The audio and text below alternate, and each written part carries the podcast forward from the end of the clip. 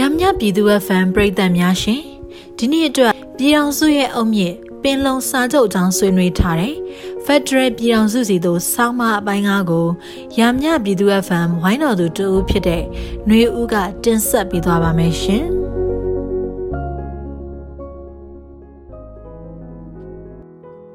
Federal ပြည်ထောင်စုစီတို့အပိုင်းကမိဘပြည်သူများရှင်ရခင်တပတ် ဖက်ဒရယ်ပြည်ထောင်စုစီတို့ဆောင်းပါအပိုင်းလေးမှာအောက်ဆန်းအတလီချာချုံအရာတောင်တန်းဒေသနဲ့ဗမာပြည်မတို့ပူးပေါင်းကတွက်လက်ရည်အတူရယူရန်အတွက်သဘောတူညှိနှိုင်းမှုပြုရမည့်အကြောင်းရင်းများကို တင်ဆက်ပြီးဖြစ်တာမို့ယခုတစ်ပတ်မှာတော့စာချုပ်ထုတ်ဆိုဆွေးနွေးရန်အစည်းအဝေးတက်ရောက်လာကြတဲ့ကိုယ်စားလှယ်များရဲ့ရည်မှန်းချက်ဆွေးနွေးချက်များကိုတင်ပြပေးသွားပါမယ်ရှင်။ 1948ခုနှစ်ဖေဖော်ဝါရီလတရက်နေ့တွင်ကချင်ကိုယ်စားလှယ်ခေါင်းဆောင်များသည်ပင်လုံတို့အလားကုတ်ခိုင်မြို့နန်းဖက်ရွာတွင်ဥစွာဆွဆုံမိကြပြီးအောက်ပါသဘောတူညီချက်များကိုဆွေးနွေးဖြစ်ခဲ့ကြပါသည်။နံပါတ်1ကချင်အမျိုးသားများအားဗမာမျိုးသားတွေနဲ့တပြိုင်တည်းလွတ်လပ်ရေးပေးရန်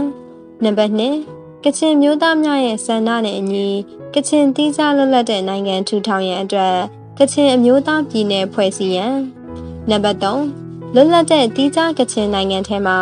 ဗမောခရိုင်နဲ့မြစ်ကြီးနားခရိုင်များကချင်တောင်တန်းဒေသများနဲ့ကတမြို့ရဲ့မြောက်ဘက်မြေပြန့်ဒေသများပါဝင်စေရန်နံပါတ်4ဗမာမျိုးသားများနဲ့ကချင်အမျိုးသားများနှစ်ဦးနှစ်ဖက်လက်ခံနိုင်တဲ့နယ်နိမိတ်ချက်ချင်းသတ်မှတ်ရန်နံပါတ်5နယ်နိမိတ်သတ်မှတ်ပြီးပြီးချင်းဗမာပြည်ပြည်ရင်ကန်လက်တွင်ရှိတဲ့ အခွင့်အာဏာများကချင်အမျိုးသားများလက်သို့ပေးအပ်ရန်နဲ့ဗမာပြည်ကြားဖြတ်အစိုးရအဖွဲ့မှကချင်အမျိုးသားဝန်ကြီးတအူခန့်အပ်ရန်ကာကြီးရင်းကချင်ဝန်ကြီးသည်တင်းစားကချင်ပြည်နယ်တွင်ပြည်ထောင်ရေးဝန်ကြီးဆောင်ရွက်ရန်ခါခွေကချင်ဝန်ကြီးမှာနိုင်ငံသားရေးနဲ့ဗန်နာရေးကိစ္စရပ်များတွင်ပါဝင်နိုင်ရန်ခါငယ်ကာကွယ်ရေးဝန်ကြီးကိုအကြံပေးရန်အတွက် ကချင်အမျိုးသားတအုပ်ခံထားပေးရန်နံပါတ်6တီးစားကချင်ပြည်နယ်သည်ရှမ်းတီးစားပြည်နယ်နဲ့အတူဗမာတနိုင်ငံလုံးစောလျင်စွာလွတ်လပ်ရေးရရှိရေးအတွက်တိုင်းပြုပြည်ပြုလွှတ်တော်မှာချက်ချင်းပါဝင်ကြရန်နံပါတ်9အချက်မှာဖော်ပြထားတဲ့အတိုင်းဗမာမျိုးသားအလုံးလွတ်လပ်ရေးရတဲ့အခါတီးခြားလွတ်လပ်တဲ့ကချင်နိုင်ငံအပါအဝင်လွတ်လပ်တဲ့ဗမာပြည်ပြည်ထောင်စုအစိုးရဖွဲ့စည်းရန် ချင်းချက်အနေနဲ့ကာကြီးတီးစားကချင်နိုင်ငံက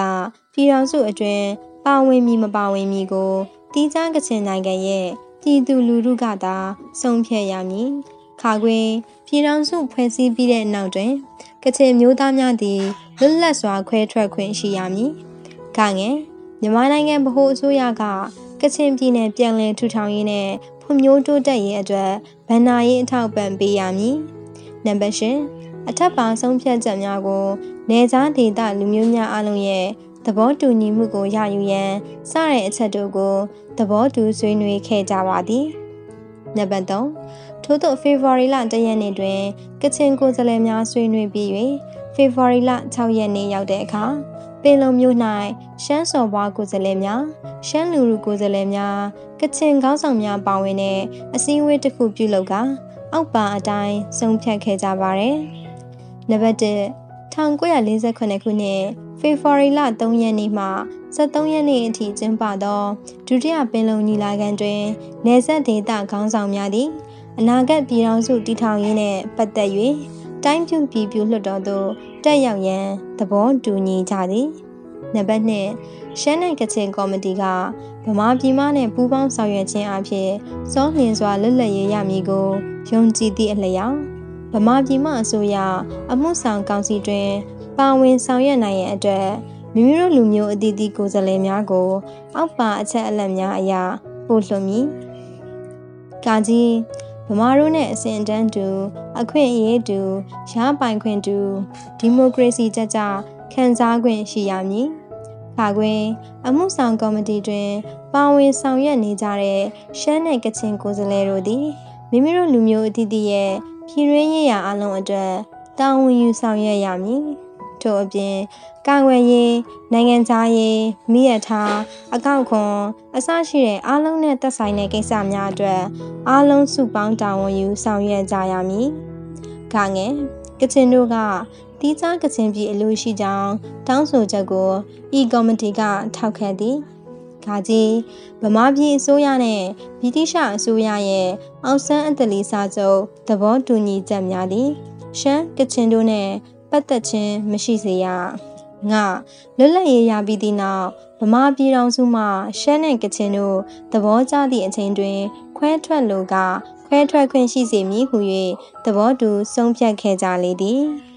ထိုဆုံးဖြတ်ချက်ကိုဖေဖော်ဝါရီလ9ရက်နေ့တွင် ထပ်မံရောက်ရှိလာသောချင်းကိုယ်စားလှယ်များပါဝင်တဲ့နေဆက်ဒေတာကိုယ်စားလှယ်စုံကြီးအစည်းအဝေးမှာအောက်ပါအတိုင်းထပ်မံအတည်ပြုပါရယ်။ကာကြီးဗဟိုအခွန်ငွေကိစ္စနဲ့ပတ်သက်၍ရှမ်းတို့ခံစားရသော အခွင့်အရေးရပိုင်ခွင့်အားလုံးတို့အတိုင်းချင်းနဲ့ကချင်တို့ကလည်းလူဦးရေအလိုက်ခံစားခွင့်ရှိစေရမည်။ခါခွေ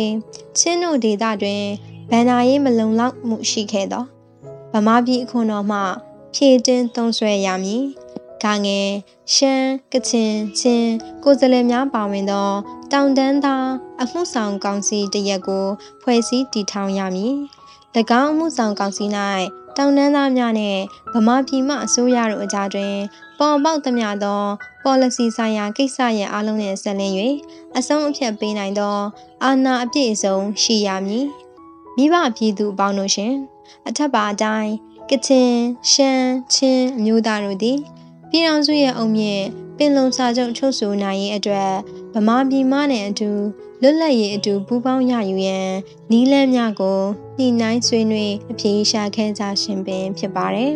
။အခုတင်ဆက်ပေးခဲ့တာကတော့ Federal ပြည်ထောင်စုစီတို့ဆိုတဲ့စောင်းမကဏ္ဍလေးကိုဒေါက်တာဆလိုင်းလျံမုံစာခေါင်းရဲ့2023ခုနှစ်ဒီဇင်ဘာလ23ရက်ဒုတိယအကြိမ်ထုတ်ဝေတဲ့ ပင်လုံကတိကဝတ်များဆိုတဲ့စာအုပ်1990ရွေးကောက်ခံလွှတ်တော်အမတ်ခွန်မတ်ကိုဗန်ရဲ့21ရာစုပင်လုံစိတ်သက်မှသည်ဒီမိုကရေစီဖက်ဒရယ်ပြည်ထောင်စုစီသို့စာအုပ်ခွန်ဦးရဲ့ပင်လုံလက်ဆွဲပြုစုရေးအဖွဲ့ခေါင်းဆောင်ရဲ့ပင်လုံလက်ဆွဲစာအုပ်တို့မှာဖော်ပြထားတဲ့စောင်းမဖော်ပြချက်များအနက် ရမညပြည်သူ FM ဘိုင်းတော်သားများရဲ့ကျိုးပန်းကောက်နှုတ်တင်ဆက်ထားမှုကို ကျမຫນွေဦးကအတန်သွင်းတင်ဆက်ပေးခဲ့တာပဲဖြစ်ပါတယ်ရှင်။နောက်ပတ်တွေမှာလည်းဖန်ဒရယ်ပြည်ထောင်စုစီတို့ချီတက်ရှောင်းလန်းဖို့ကျမတို့လူငယ်ចောင်းသားပြည်သူတွေတည်တင့်တည်ထိုက်တဲ့တမိုင်းចောင်းရာများကိုမှန်မှန်ကန်ကန်သုံးသပ်နိုင်ဖို့တင်ဆက်ပေးသွားပါမယ်လို့ပြောကြရင် ဒီနေ့အစီအစဉ်လေးကိုဒီတင်ရနာခွင့်ပြုပါရှင်။မင်္ဂလာရှိသောနေ့ရက်လေးဖြစ်ပါစေရှင်။